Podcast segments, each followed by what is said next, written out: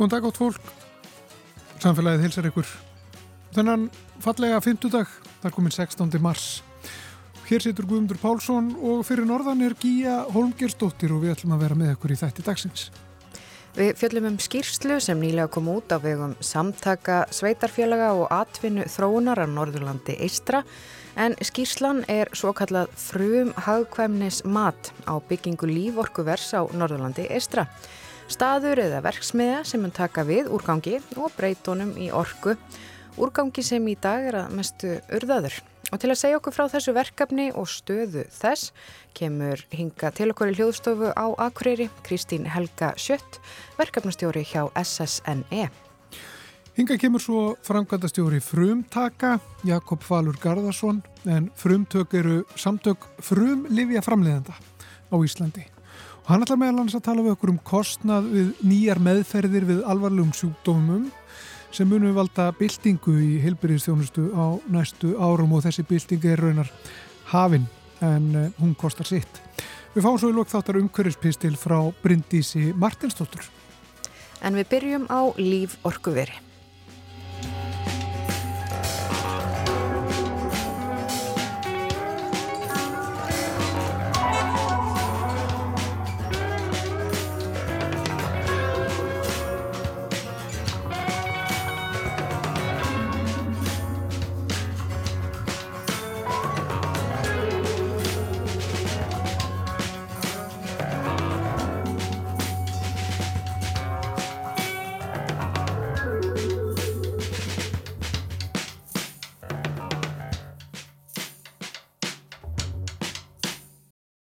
Nýlega kom út skýrsla, svo kallað frum hagkvæmnismat um uppbyggingu líforkuvers á Norrlandi Eistra. Þessi skýrsla var unnin af SSNE sem er samtök sveitafélaga og atvinnu þróunar á Norrlandi Eistra, vistorku og ráðgjöfum frá sveitafélagum innan SSNE og þarna er teiknuð upp mynd af þessu verkefni, líforkuveri, sem að næru utanum söpnun, meðhöndlun og nýtingu á mest öllum lífurænum úrgangi sem fellur til á starfsvæði SSN-i eins og segir hér í ingangi skýrslunar. Og til þess að segja okkur betur frá þessu verkefni er hinga komin Kristín Helga Sjött, verkefnastjóri hjá SSNE sem hefur undarfæri verið að flakka hérna á milli sveitafélaga á Norrlandi Eistra til þess að kynna skýrsluna og efni hennar. Vertu velkomin í samfélagið Kristín Helga. Kæra þakkir, takk fyrir að bjóða mér. E, svona fyrst, þetta var auðvitað mikill ingangur. Um, stór orð. Stór orð og, og, og kannski ílskiljanlegt Um, þannig að við skulum bara byrja svolítið á byrjuninni. Mm -hmm. Líforku ver, hvað nákvæmlega er þetta og hvers vegna hvers að byggja þetta upp? Að skoða þetta? Já. Já, uh, það er mjög góð spurning. Líforku ver er svona, einhvers konar, reg, uh, hvað segja, þetta er svona reglíf yfir ímsa mismunandi þætti en svona til þess að setja þetta alveg einfalt upp og þannig erum við að horfa á í rauninni ver eða stað eða verksmiðu þar sem að lífrennu ströymar berast inn og framleitt er orka úr þessum líðurinnuströmmum.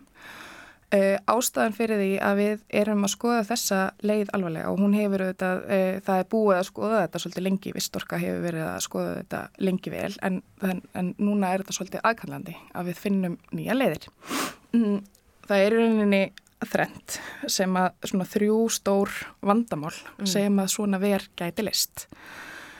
Uh, fyrsta vandamálið er það hvernig við erum að eh, meðhöndla sagt, dýraúrgang. Og ef að fólk horfið kannski á hérna kveikstáttundaginn um akkurat úrgangsmál að þá eru við sagt, sem samfélag, ekki bara hér á Norrlanda eistra, að urða dýraúrgang og meðal annars áhættu úrgang og við erum ekki að uppfylla þau lög og reglugerðir sem við höfum uh, sagst ætla að gera, sagt, við erum að brjóta EES samningin með því hvernig við meðhendlum dýraúrgang og þá eru við sérstaklega að horfa á þennan áhættuvef sem er sérstaklega mæna og heili í, í kindum og, og, og nýttgripum.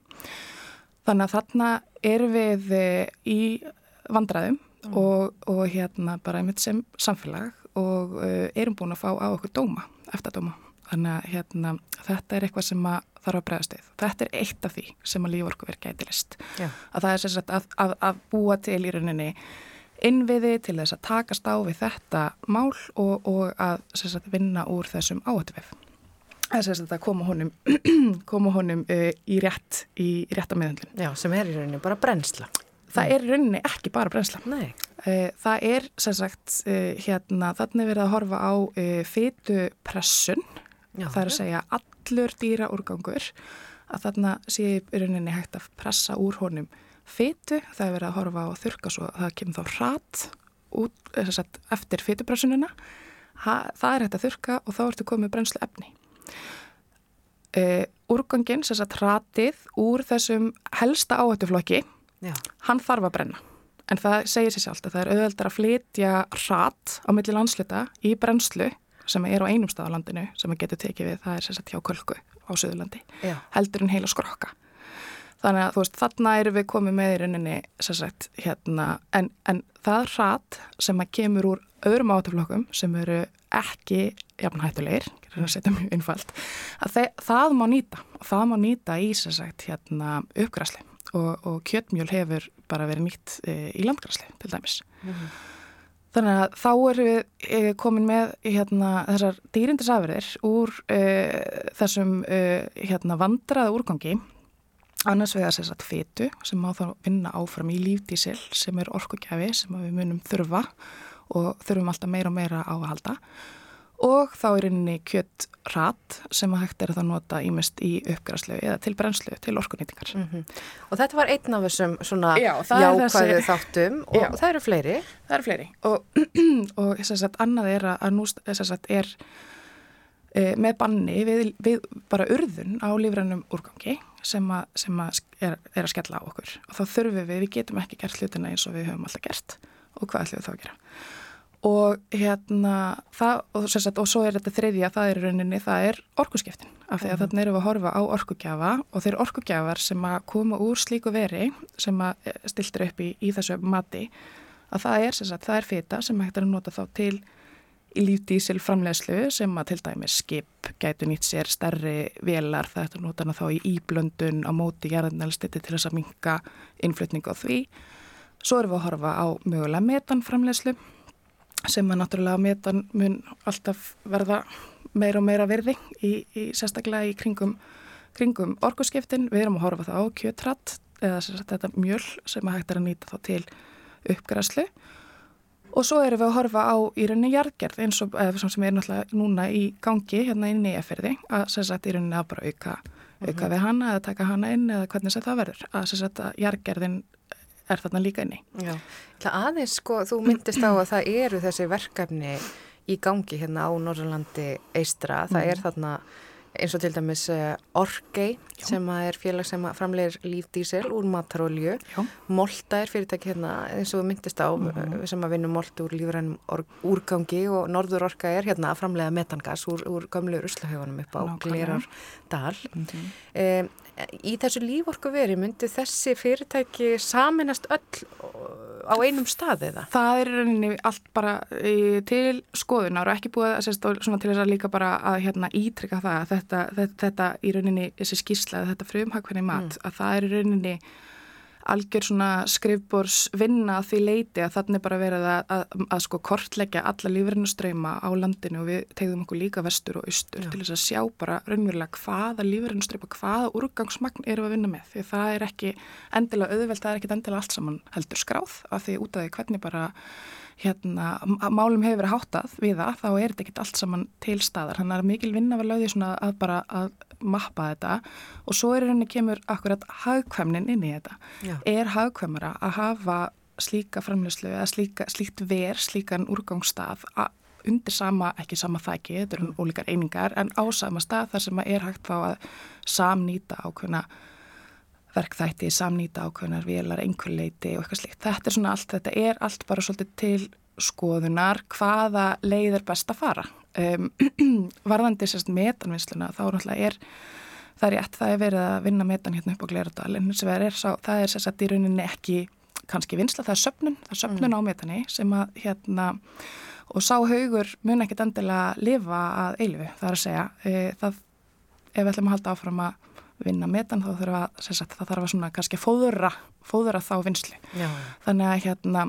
Og metanhaugurinn á Glerardalum, mm -hmm. þannig að gamlu rusluhöfnir, hann er nú bara tæmast hraðar en, en, en menn er, sko, Já, fólk regnaði með. það er verið að flytja metan að sunnan sem mm. að er hérna... Uh, sem er, er ekki heflegt og er, er bæði dýrstu og ekki, ekki, hérna, ekki vistvært kostur að vera að flytja metan á milli staðendilega þegar, ég meina, og það er kannski munurinn eins og við erum að horfa á í rauninni dýra, dýra afverðir og dýraræ að þau losa gríðalegt magn af metani þegar Já. þau rótna, þú veist, eh, hérna, og, en, en, en þannig verið að tala um að nýta, að nýta það metan sem annars færi bara í beinalósun, að nýta mm. það sem orkugjafa. Þannig að það komi við á einhverjum stað áður en það, það fer út í andurslóftið. Þannig að við nýtum okkur það áður en það fer. Eh, í þessu frum uh, hagkvæmni mati, þetta er, þetta er svolítið óþjált orð já. En, en já, þetta er svona verið að skoða alla þessa möguleika mm. um, það var nú velt fyrir sér einhverju staðsetningu mm. hvað svona líforku ver gæti verið staðsett og hvað, mm. hvað var svona sem kom út úr því? Já, það var sérstaklega bara verkfræði hérna e, fyrirtæki sem, a, sem að horfi á akkurat þessa lífrannu ströyma og staðsetningar og hvað þyrti svona að koma til og, og þetta sérstaklega skíslan er, er, er unnin sérstaklega fyrir svæði SSNE en eins og ég segi við erum líka svolítið bara að horfa í kringum okkur hvort að, hvort að þau fyrir vestan verði í rauninni með okkur eða hvort mm. það er ykkur austur eða hvernig þess að það verður en í öllu falli, sama hvernig hort er á það, að þá er sér sagt eh, helsta uppspretta lífræðna ströma og úrgangs er auðvitað hérna á akkurýri og í kring. Þetta er stæsti kjarnin Þannig að það er verið að horfa á eigafærasvæðið og það uh, er sérstaklega tekið svona hort til disness uh, í Hörgúsveit. Að það ja. gæti verið heppileg staðsending en það er svona einn möguleikin sem er á borðum. Disness, þetta er uh, í eigafærðinum, Hörgúsveit, þetta er sko rétt hjá Hjaldir, er það ekki? Jú, þetta er, þetta er hérna í rauninni, ef fólk veit hvar freyjulundur er á, sagt, þetta er svona hérna, já, félagsheimilið. Já, mm. eða sem sagt, já, gamla félagsheimilið sem er listasmiða. En það hérna, og þetta er sem sagt, já, þetta er hérna, e, þetta er sem sagt, neðan, já, þetta er svæði sem er búið að sem sagt, er komið, sem sagt, það er búið að skipulegja það sem aðtapnasvæði, en, mm. en þarna eru ekki hérna innviðir enn sem komið er, það er sem sagt hérna, en það, þarna er sko verið að horfa hefur lengi verið verið að horfa til hafnar uppbyggingar og, og annars að þetta er svona eitt af því svæði sem að gæti komið til greina, en þetta er allt saman bara e, já, verið að svona teikna upp þessa mynd hvað hérna, hvað við já, hvað við erum að horfa á í þeim öfnum. Þetta er þetta mörg spurningamerki og, og, og svona, sko, þú ert nú búin að vera að fara í sveitafélagin hérna sem eru aðilar að SSNE, mm. þessum samtökum hérna svona á Norðurlandi eistra, mm -hmm. hver eru svo bara ykkar næstu skref, það eru búin að þessar kynningar, mm -hmm. auðvitað er þetta mjög aðkallandi -hmm. uh, að takast á við úrgangsmálinn á, mhm. á þann hátt sem að uppfylla alla reglugerðir. Hver mhm. eru svona næstu skref í þessari vinnu? Næstu skrif er að það er rauninni hérna, það hefur komið fram svo sagt hjá sveitafélagum sem að, eða sveitisveitunum sem að hafa fengið fengi kynningu á þessu og, og fjallaðumáli að það er viljið til þess að skoða þetta áfram. Og það er rauninni kannski nýðustöðan úr, úr þessu frimhagkvæmumati, það, það gefur bara gott tilöfni til þess að skoða þetta áfram. Og til þess að hérna Sagt, eh, líka bara svona ídreka það að það er ekki eins og við séum ekki að borga neitt með úrganginum okkar í dag. Það er ekki eins og það sé neitt að græða úrganginum eða skiljur þetta þetta er alltaf e, þetta er eitthvað sem við þurfum að takast á við en með þessu móti að þá er þarna verið að horfa á hvernig getum við fengið verðmæti tilbaka. Við þurfum að nýta þess að hérna, öðlundaströma það er Já, það er bara hérna jákvæmt hljóði því að í raun og skoða þetta áfram. Nú er, erum við að vinna því að svara svara svona sem helstu spurningum og sjá fyrir okkur hvernig hérna hvernig dæmi gæti litið út og hverjir kemur að því og hvernig bara áframhaldið er og þá vonandi verður hægt að taka ákverðin, þú veist, mm. ætli við að fara þessa leið eða einhver aðra og mm. hvaða leið ætti það þá að vera. Já. Það sem ég kom ekki inn á sem að hefur líka hérna breytt myndinni mikið, það er þetta líka bara úkrænstrið og ábyrðarmál að það er í rauninni þessi svona fókus á að við þurfum að nýta, við erum með efni til landgræslu í okkar lífrannu ströymum sem við erum ekki að nýta. Við erum með fósfor í seirun okkar, við erum með þessi sko, ábyrgarefni sem að, að, að vera eitt að nýta, það er svo miklu möguleikar á að nýta þessa ströyma miklu betur og, og hérna nákvæmlandin okkar er að gera það og hérna og það, þetta er svona, þetta er risastort samfélagslega mál að, að hérna að horfa til þessari leða. Þú myndist á nágrannlöndin og, og þetta sé nú ekki eitthvað nýstárlegt verið að finna upp hérna. Uh, það eru vantarlega eitthvað svona já, þeir eru að líta út já, já. til þess að svona vita hvernig þetta allt saman gengur fyrir sig. Algjörlega og, og ég meina semt af þessu eru hreinlega bara hillulösnir eh, mm. sem að ég meina þú veist að þau eru bara að taka einhvern veginn ákvörðun að, að sko, ég veist, ætlum við að fara þannig að ekkert af þessum Uh, hvað segja, þessum verkverðlum, þessum tækjabúnaði, þessum einingum, ekkert af þessu er nýtt. Sumt af þessu eru við mitt að gera nú þegar, þannig bara að vera að horfa í rauninni til kannski stækkunar, getur við tekið á móti meira, getur við unnið hérna, meiri verðmæti út úr því sem, að, sem er að fara til spillis. En við erum að horfa til dæmis til Norður Noregs, við erum að horfa til Danmörkur, uh, við erum að horfa bara til Færi, það er til dæmis landeldið búið að setja upp hérna lífurkofir sem að sér sér sér sagt, þá er sérstyrunni þessi lífrannu ströymar sem að falla til úr landeldi, þetta er mm -hmm. bara fyrirtæki sem að setur upp þetta lífurkuver og, og, og sér þá, þetta er á kvöldu svæði og ég held að séu 1400 heimili sem að fá rafmagn frá þessu lífurkuveri og 500 heimil til viðbútar sem að þykja hita. Veist, þannig að myna, þetta eru dæmin sem við erum að horfa til. Bara hvernig getum við nýtt hlutin okkar betur, hvernig erum við einlega ringgrásar, haggeris, bæði lögjöf og hugsununa. Mm -hmm. Og ef að allt gengur eftir svona út frá þessum plönum sem að koma fram í þessari skýrslu, mm -hmm. hvena væri líklegt að svona líforku ver? Er þið að veruleika? Það, það, er, það er einhver góð tímalínuna sem er ekki alveg í höfðun á mér. Hérna, það, það er verið að, við erum að horfa líka svolítið á þetta kannski áfungaskipt, hvar, hvar rýður mest á að, að hérna, hvar ætlum við að byrja og svo sérst, að horfa á hvernig getum við byggt við þetta. Þarna til dæmis er í matinu og fólk er, er, að, er að fletta þessu þá er gert ráð fyrir kannski brennslu mögulega á setnistegum um, leifismál taka alltaf tíma en ef við erum að horfa akkurat á svæði sem er nú þegar eitthvað skipulag til yfir þá náttúrulega tekur það skemmri tíma þannig að það er verið að horfa, að horfa á þetta, þetta allt. Bann við urðun held ég að taki örgla gild eftir tvö ár. Mm. Ég er ekki vissum að við verum komið með starfandi allar einingar lífverkuvers eftir tvö ár en kannski eftir þrjú. Já. Hver veit? Hver veit. Og svona verkefni kostar auðvitað svolítið og það kannski Já. er það sem að sveitafélagan eru svona mest að horfa í mm. hvernig hérna, þessu er öllu skipt. Já. Hvað myndir svona verkefni kosta? Uh, mér minnir að í þessu mati þá, er, þá eru bara líka svo það til tekið fram að veikmörkin eru þannig 30% og það er hort svolítið bara svona breytt á og, og hérna þarna er, þetta eru uh, 4-5 miljardar verkefni. Mm. Þannig að þetta er ekkert, þetta er ekkert lítill biti en þannig er náttúrulega þá verið að horfa á, á að reksturinn að þetta geti orðið hagkvæmt með tímanum að þarna séu að koma inn sagt, afurðir sem verða stöðut meira verið.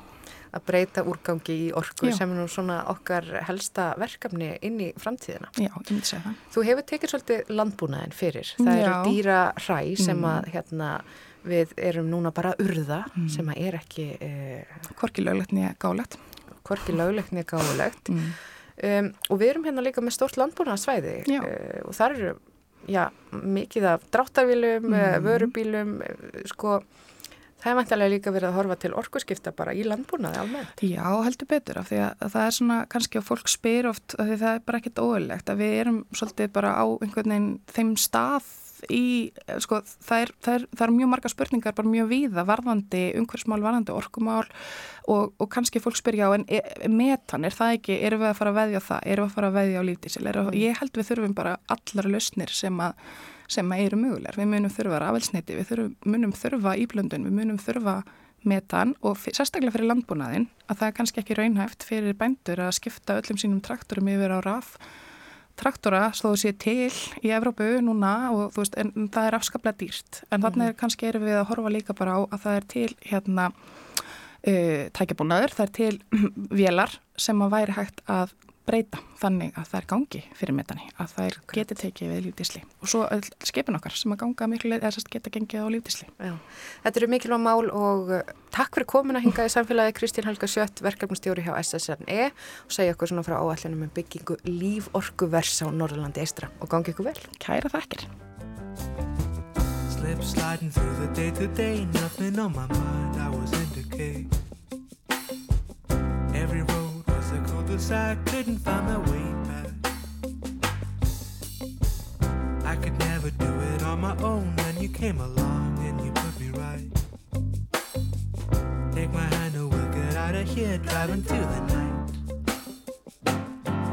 I was living in the haze, couldn't feel my face.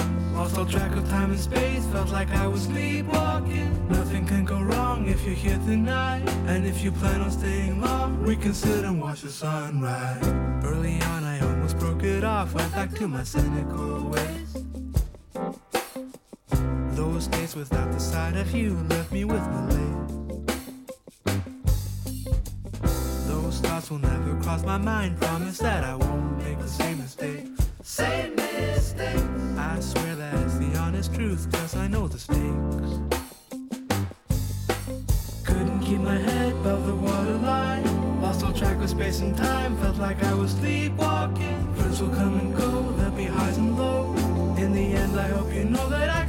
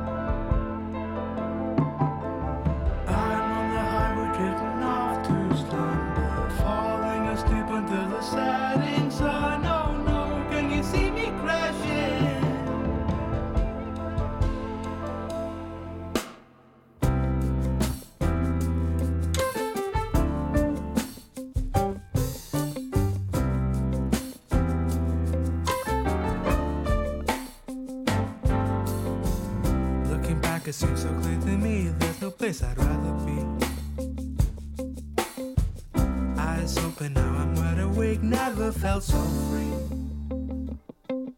I was living in the haze, couldn't feel my face. Lost all track of time and space, felt like I was sleepwalking. Couldn't keep my head above the waterline. Lost all track of space and time, felt like I was sleepwalking.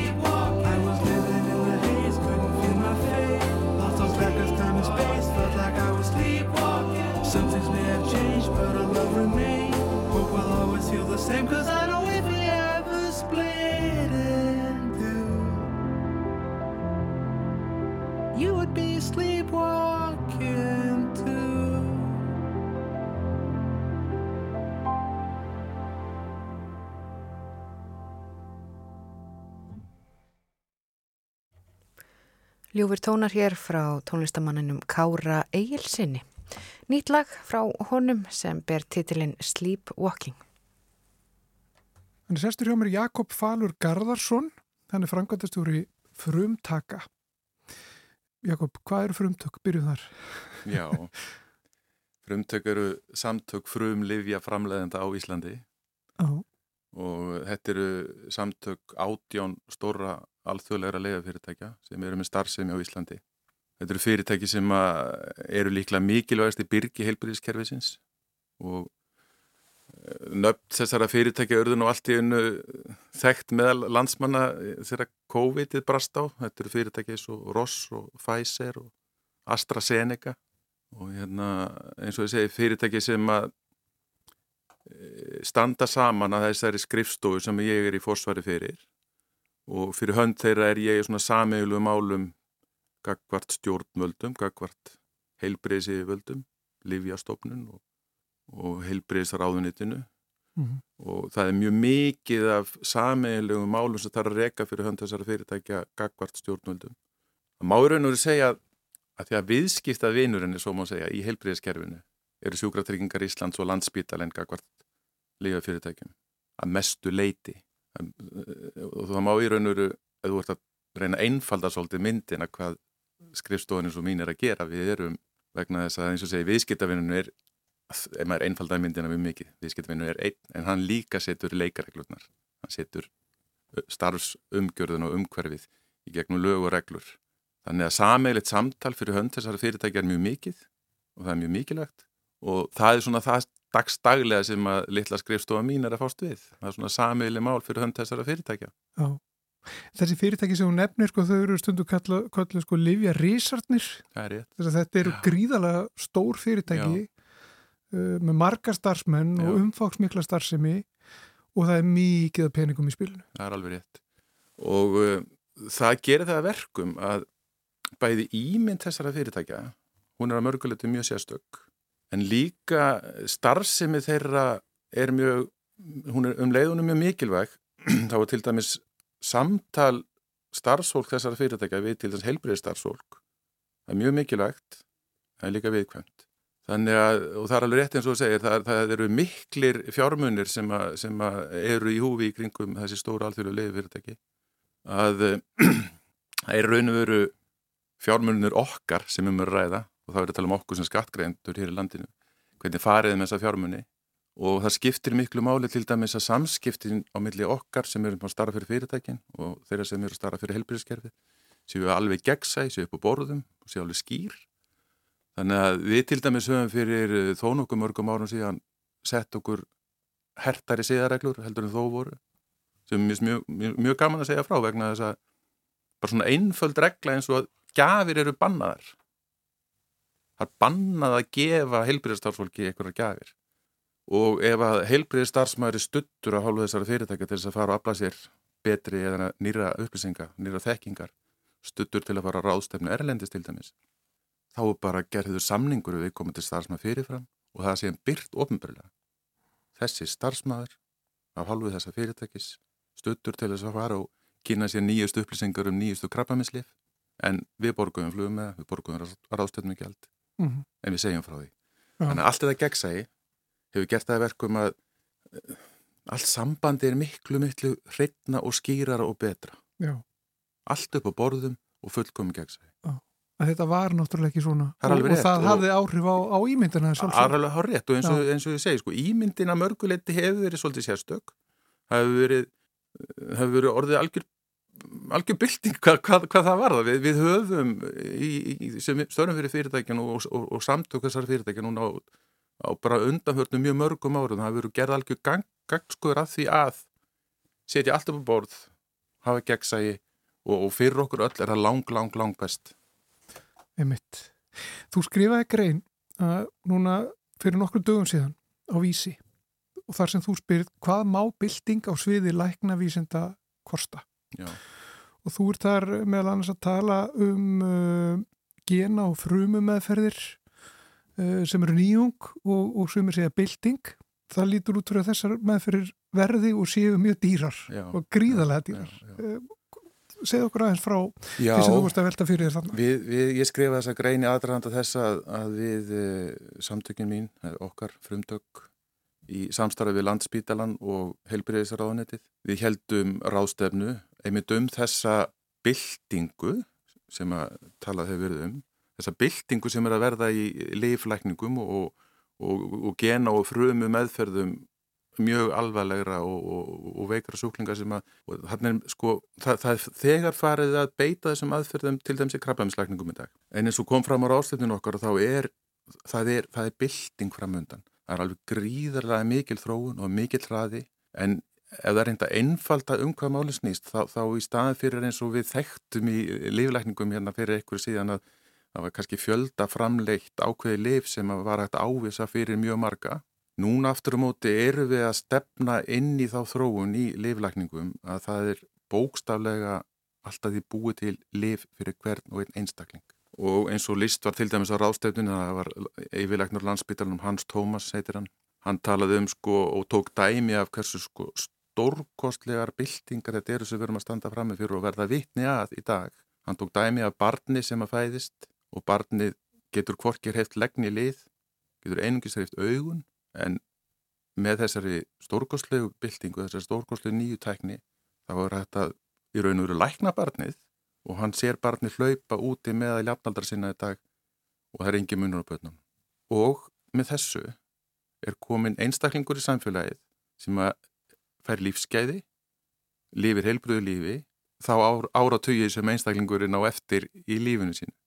Í stað þess að vera örkumla einstaklingur sem að þarf þjónustu og hjálp í heilbyrðiskerfinu allan sólarhingin, alla dagvikunar í áratugi. Og þetta er, þetta er svo stórkosli bilding að ég held að í það minnst að ég persónlega er á enga veginn búin að átta því þótt að ég sé að snúast inn í þessum heimi all, kannski núna allan daginn og, og heyra svona sögur. En, en það að geta auki lífskeði fólks og ekki bara, ekki bara barna heldur að sjálfsögðu mjög alveg veikra, veikra til þess krabbamisjúklinga í dag að hérna, við erum rétt að byrja að sjá þessa byltingu en þessi kostnæður og, og það var kannski inn, inni haldið í greininni sem ég skrifaði og þessi spurning hver má kostnæðurinn vera?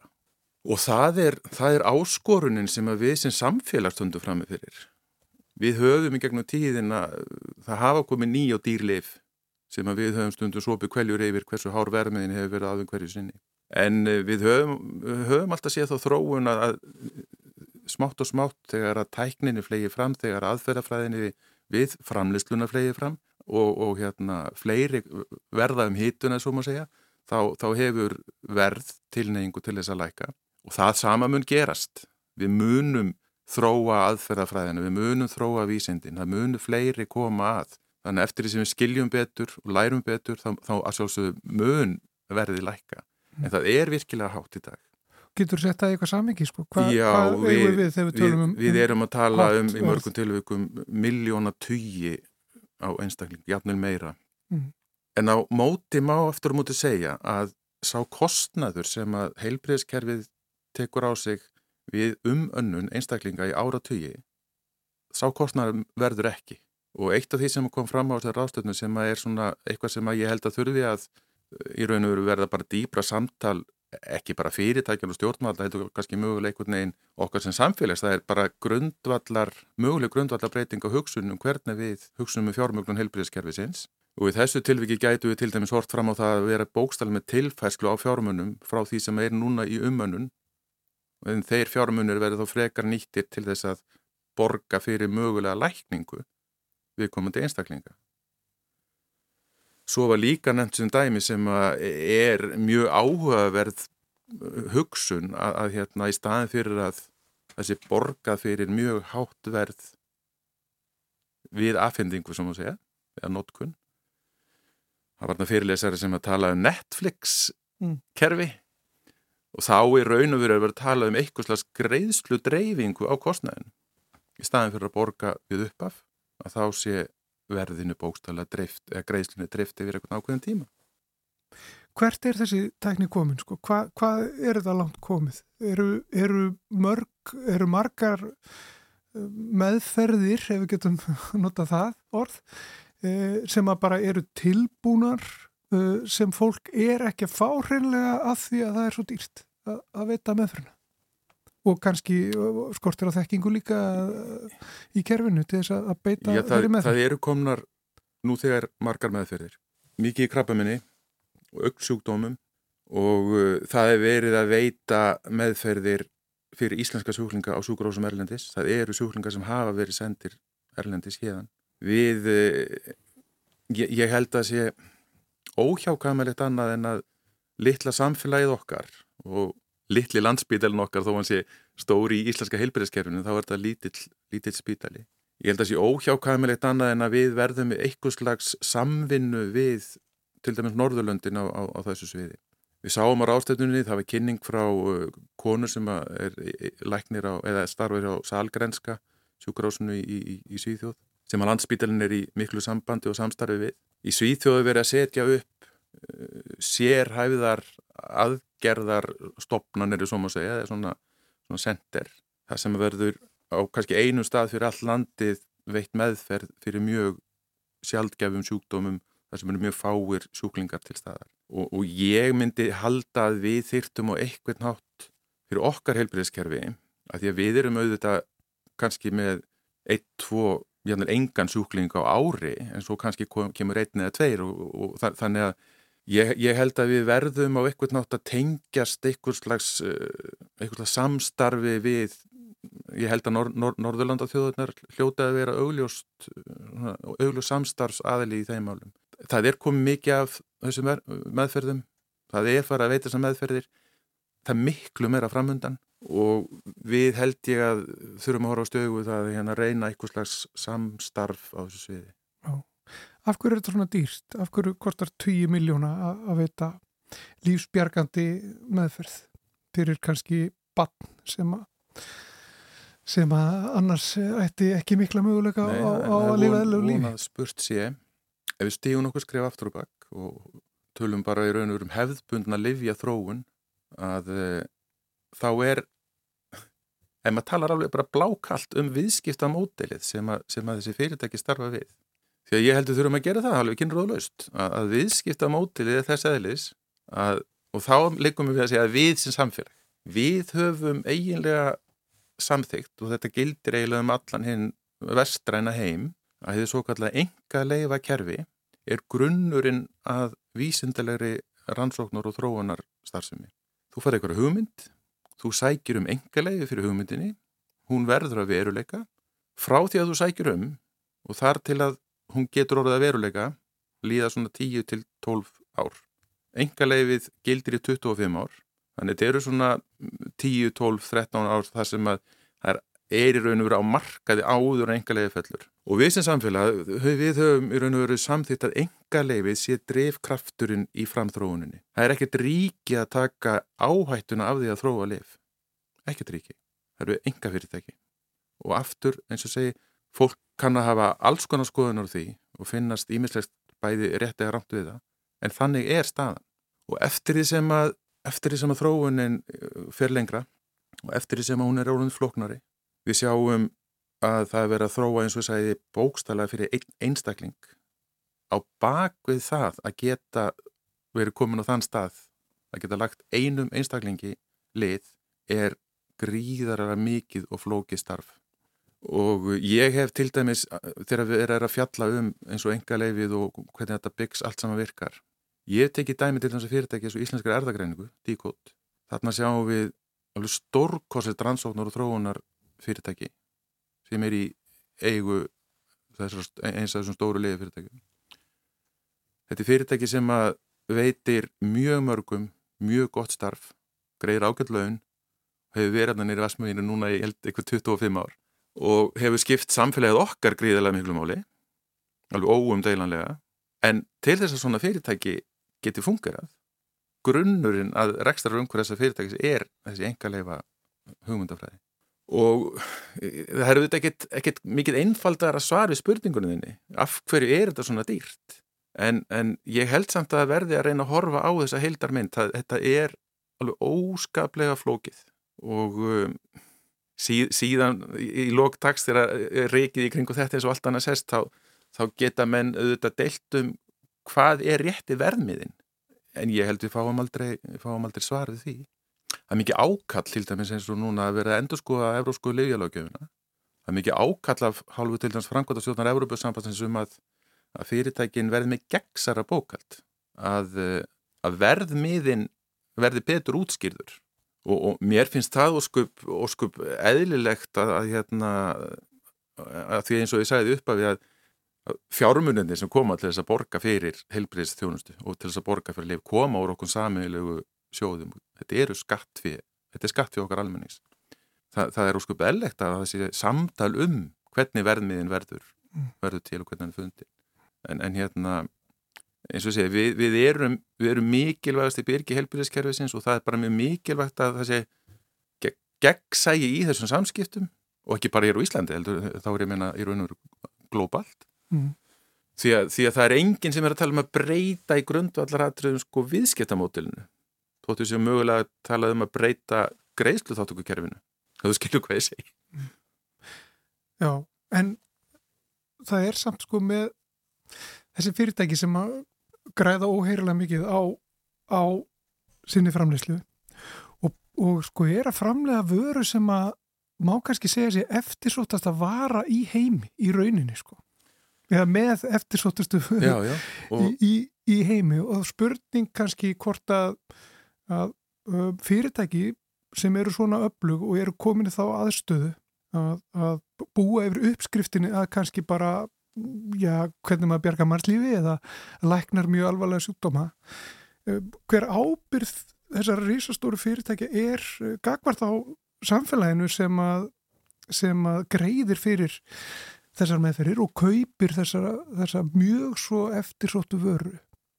Hver, hver, Ábyrðin er alveg gríðan. Hver, hver, er svona, og er hún síðferðslega sko upp að einhverju marki er, og er verið að axla þessa ábyrð? Ég get sko sagt alveg kynraðalöst. Ég er nú búin að starfa fyrir þessi fyrirtæki um 15 ár og ég er mjög stoltur af til dæmis eh, þessu umhverju sem þessi fyrirtæki hafa skapað sér. Það er, það er að segja að þau eru samfélagslega ábyrg og uh,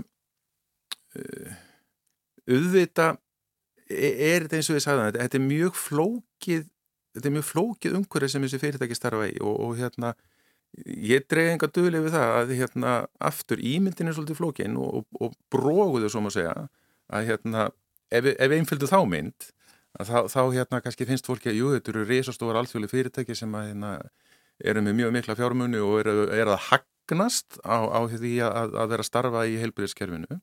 Aftur á móti, svo getur snúið sér við. Um leið og eitthvað kemur fyrir þig eða þína, þá viltu hafa aðgang á því besta fávala sem völur á hverju sinni.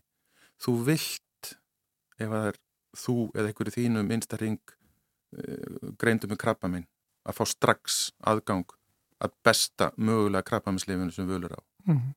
Það krabbamislif verður ekki til að sjálfu sér.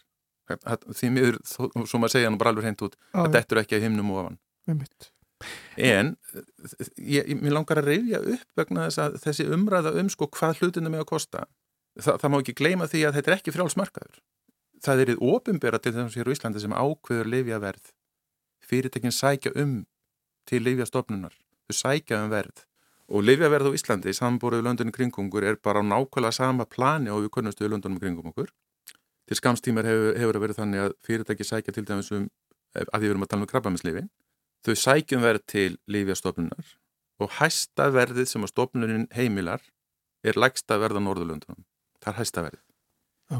Því til viðbútar þá er megnið af lifjum keftinn á grundvelli útbóðs og útbóðsverðið er ávalt umtalsvægt lagra heldur en ofinbæra listaverðið. Og mér langar líka að revja upp vegna þess að mér finnst að skipta máli að hérna, veist, þessi verð uh, umræða sér, sér sangjörn að hérna, að muna kannski mörg sem að heyra í okkur eftir því að fyrir ekkit svo laungu síðan þó þá hérna var, var kona út í vestmannuðum sem kom fram í fjölmjölum og hafi verið síkt af leifurabólgu sé í blóðgjöf á landsbítalunum Hún hafi verið veik í mörg, mörg ár og það kemur síðan kraftaverkaleif sem að bóstala læknar lifur að bólgu síðan.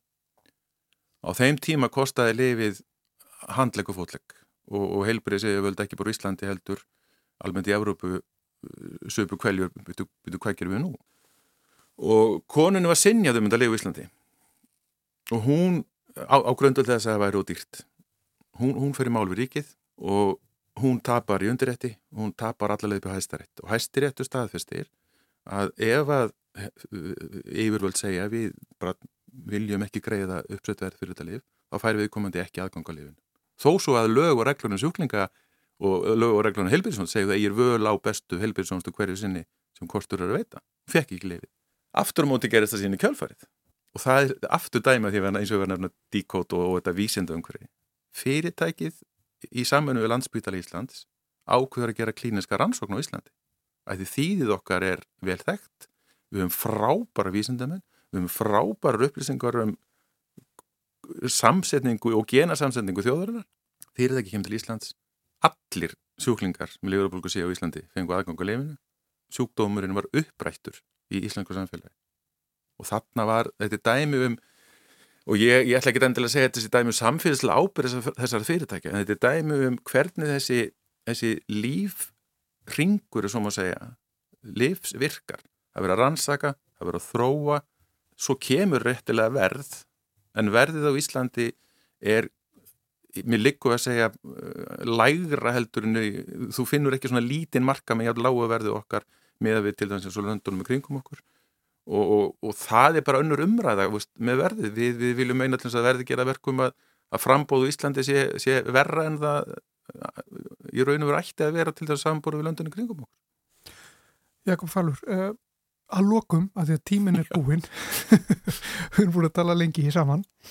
Uh, þú barst upp þessa spurningu, hvað má bildingarsviði lækna vísind að kosta og férstu svar? Er, ertu, ertu komið svarið?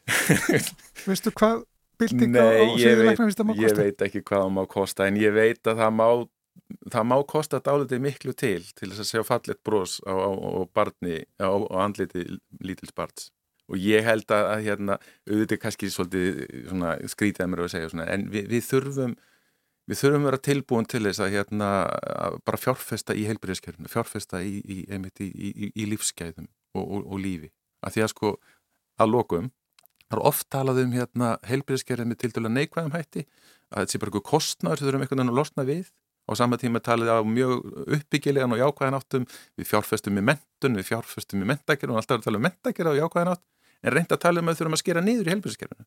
En auðvitað eigum við að við erum að fjárfesta í helbriðskerfinu. Við erum að fjárfesta í helbriði og við erum að fjárfesta í, í, í þjóðinu, sem maður segja. Og það er þannig sem við erum að horfa á helbriðskerfinu. Sko ljúka þessu svona. Jakob Falur Garðarsson, frangotastjóri Frumtaka, sem eru samtök frumlifja framleiðenda á Íslandi. Takk fyrir þetta, spjall. Takk fyrir mig.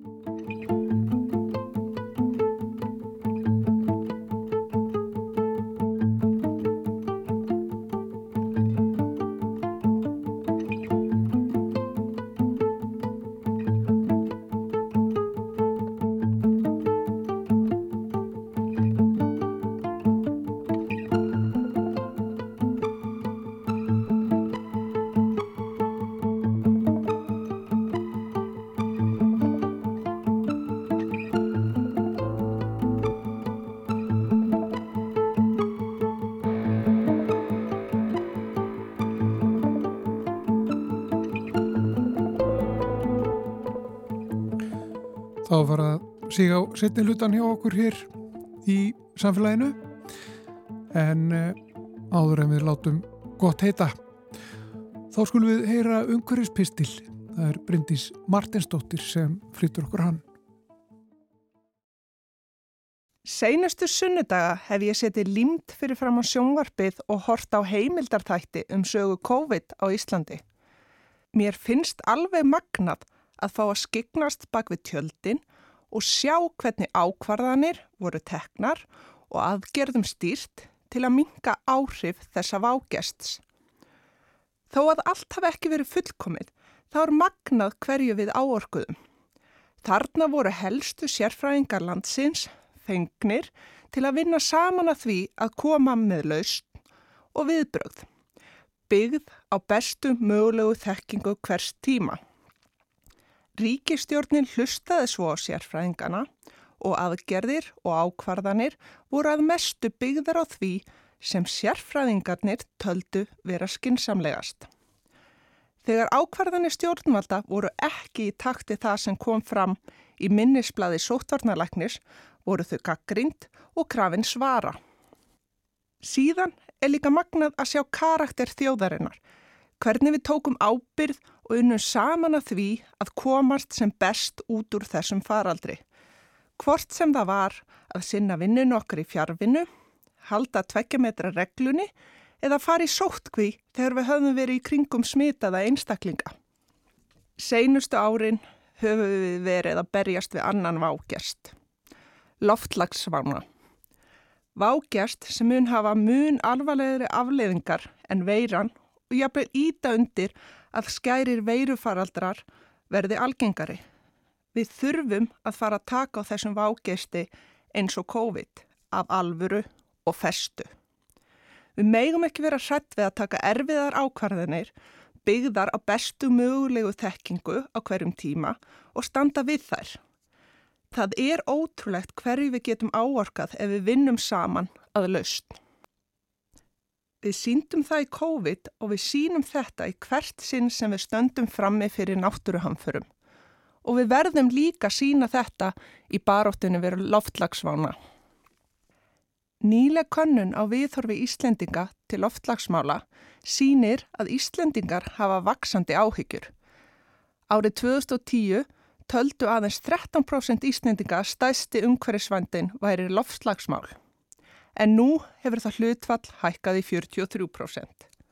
Mun fleiri telja nú einni að hækkandi hitastig vegna loftslagsbreytinga hafið skadleg áhrif á umhverfið og yfirgnefandi meiri hluti, eða um 95% Íslendinga, telur að loftslagsbreytingar séu að minnstakosta hluta til af mannavöldum. Flest okkar telja einni að loftslagsbreytingar séu vandamál sem þurfi að takast á við. En bara 13% haldaði þeir séu ekki vandamál það að við höfum vaksandi áhyggjur er ákveðið framfæra skref. Þar sem við erum óleiklegt til að bregðast við vandamálum sem við gerum okkur ekki grein fyrir. Og samlega þessu hefur einmitt vilji Íslendinga til að styðja afgerandi aðgerðir til að spórna gegn hamfarahlínun aukist. Meiri hluti Íslendinga telur að einstaklingar geti með gjörðum sínum haft einhver áhrif í þá átt að draga úr loftslagsbreytingum.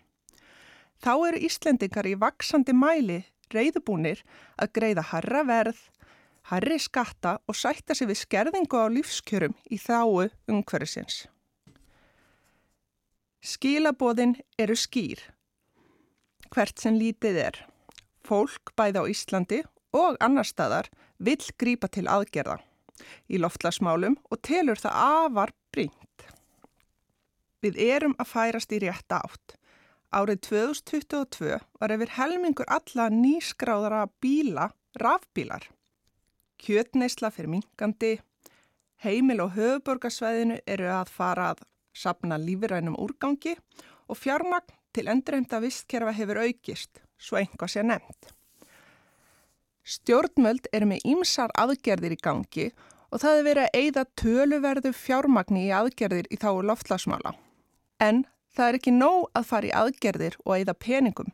Við verðum að fara í réttar aðgerðir og eigða peningum í það sem skilar okkur mestum lofslagsávinning. Erum við að gera það eða ræðist það hvað við gerum af peningum, pólitík, hagsmunageslu og populisma? Á seinustu dögum og vikum hefur mikið verið rætt um það ofinberlega að við þurfum meiri orgu. Ef við förum ekki í það að byggja vindmilur og virkja meira, þá getum við ekki rafvætt bílaflótan eða farið í önnur orkuskipti og þar með ekki náð markmiðum okkar í lofstafsmálum.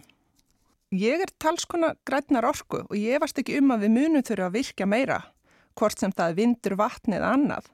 Virkjanir, hvað sem það kallast, hafa áhrif á umhverfið og kalla mikla uppbyggingu mannvirkja og innveða.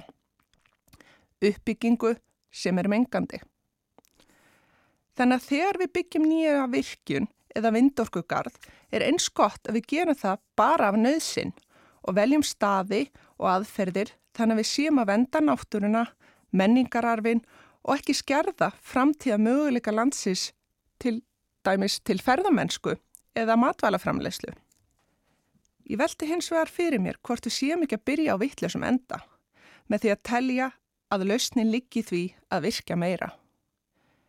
Er hugsanlegt að þessi ofur áhersla á að auka framlegslu á grætni orku sé að dragur viljanum til aðgerða til að draga úr orkunótkun?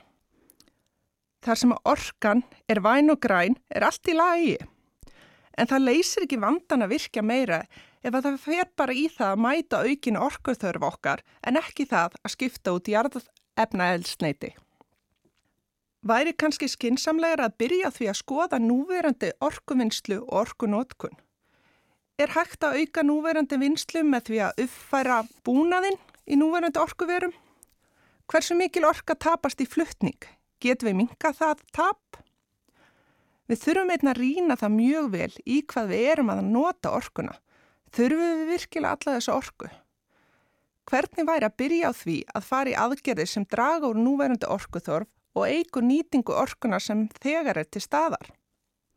Ísland leggur mikla peninga í að niðugreiða ramagsbíla og byggja plæslustöðvar sem er gott og gilt en ef við erum að hugsa um loftslagsvána væri þá ekki skinsamlegra að byggja upp samfélag þar sem við erum ekki svona háð engabílnum. Hverju mynd við ná ef við settum álíka fjö og fyrir niðugreislu ramagsbíla í að styðja við og byggja upp almenningssamgöngur. Það er í raun miklu betri loftslagsaðgerð. Það kostar orku um engar að framleiða bíla, hvort sem það eru ramags eða bensinbílar. Það kostar orku um engun að byggja vegakerfið og aðra innviði fyrir alla þessa bíla og svo kostar orku og mengar að farga og endurvinna bílana eftir nótkunn. Fækkun bíla er því mun betri loftslagsaðgerð en rafvæðing bílaflótans. Það væri náttúrulega best að gera bæði. Þurfum við virkilega alla þessa bíla? Er eðlilegt að það séu til 2-3 bílar á hverju heimili? Þetta var ekki svona. Það er alveg ástæða fyrir því að það eru oft ómögulegt að fá bílastæði sem um hverfum borgarinnar. Þegar þau voru byggð var vanin bara einn bíl á heimili en ekki einn bíl fyrir hvern heimilismeðlim með bílpróf. Hér koma svo að meðaltali sjö enga þótur til landsins á hvernig degi sem enga svakalega. Það væri lítið mál að takmarka þennan fjölda eða banna koma enga þóta. Það er loftlasaðgerð sem hefði áhrif á mjög fáa. Öll svo orka sem fer svo í að grafa eftir rafmynd. Til hvers, spyr ég. Og svo má ekki gleima því að við Íslendingar erum óttalegir orkusóðar. Við opnum gluggana til að kæla húsin, slökkum aldrei ljósin og pælum almennt lítið í orkunótkun okkar. Ég er handvis um að það séu ótal tækifærið þarna. Ef að aðal markmiði með aðgjörnum okkar væri að berjast við loftlagsvána, mynd við byrja þarna. Byrja því að minka núverandi orkunótkun og orku þörf, en ekki byrja því að framleiða meiri orku.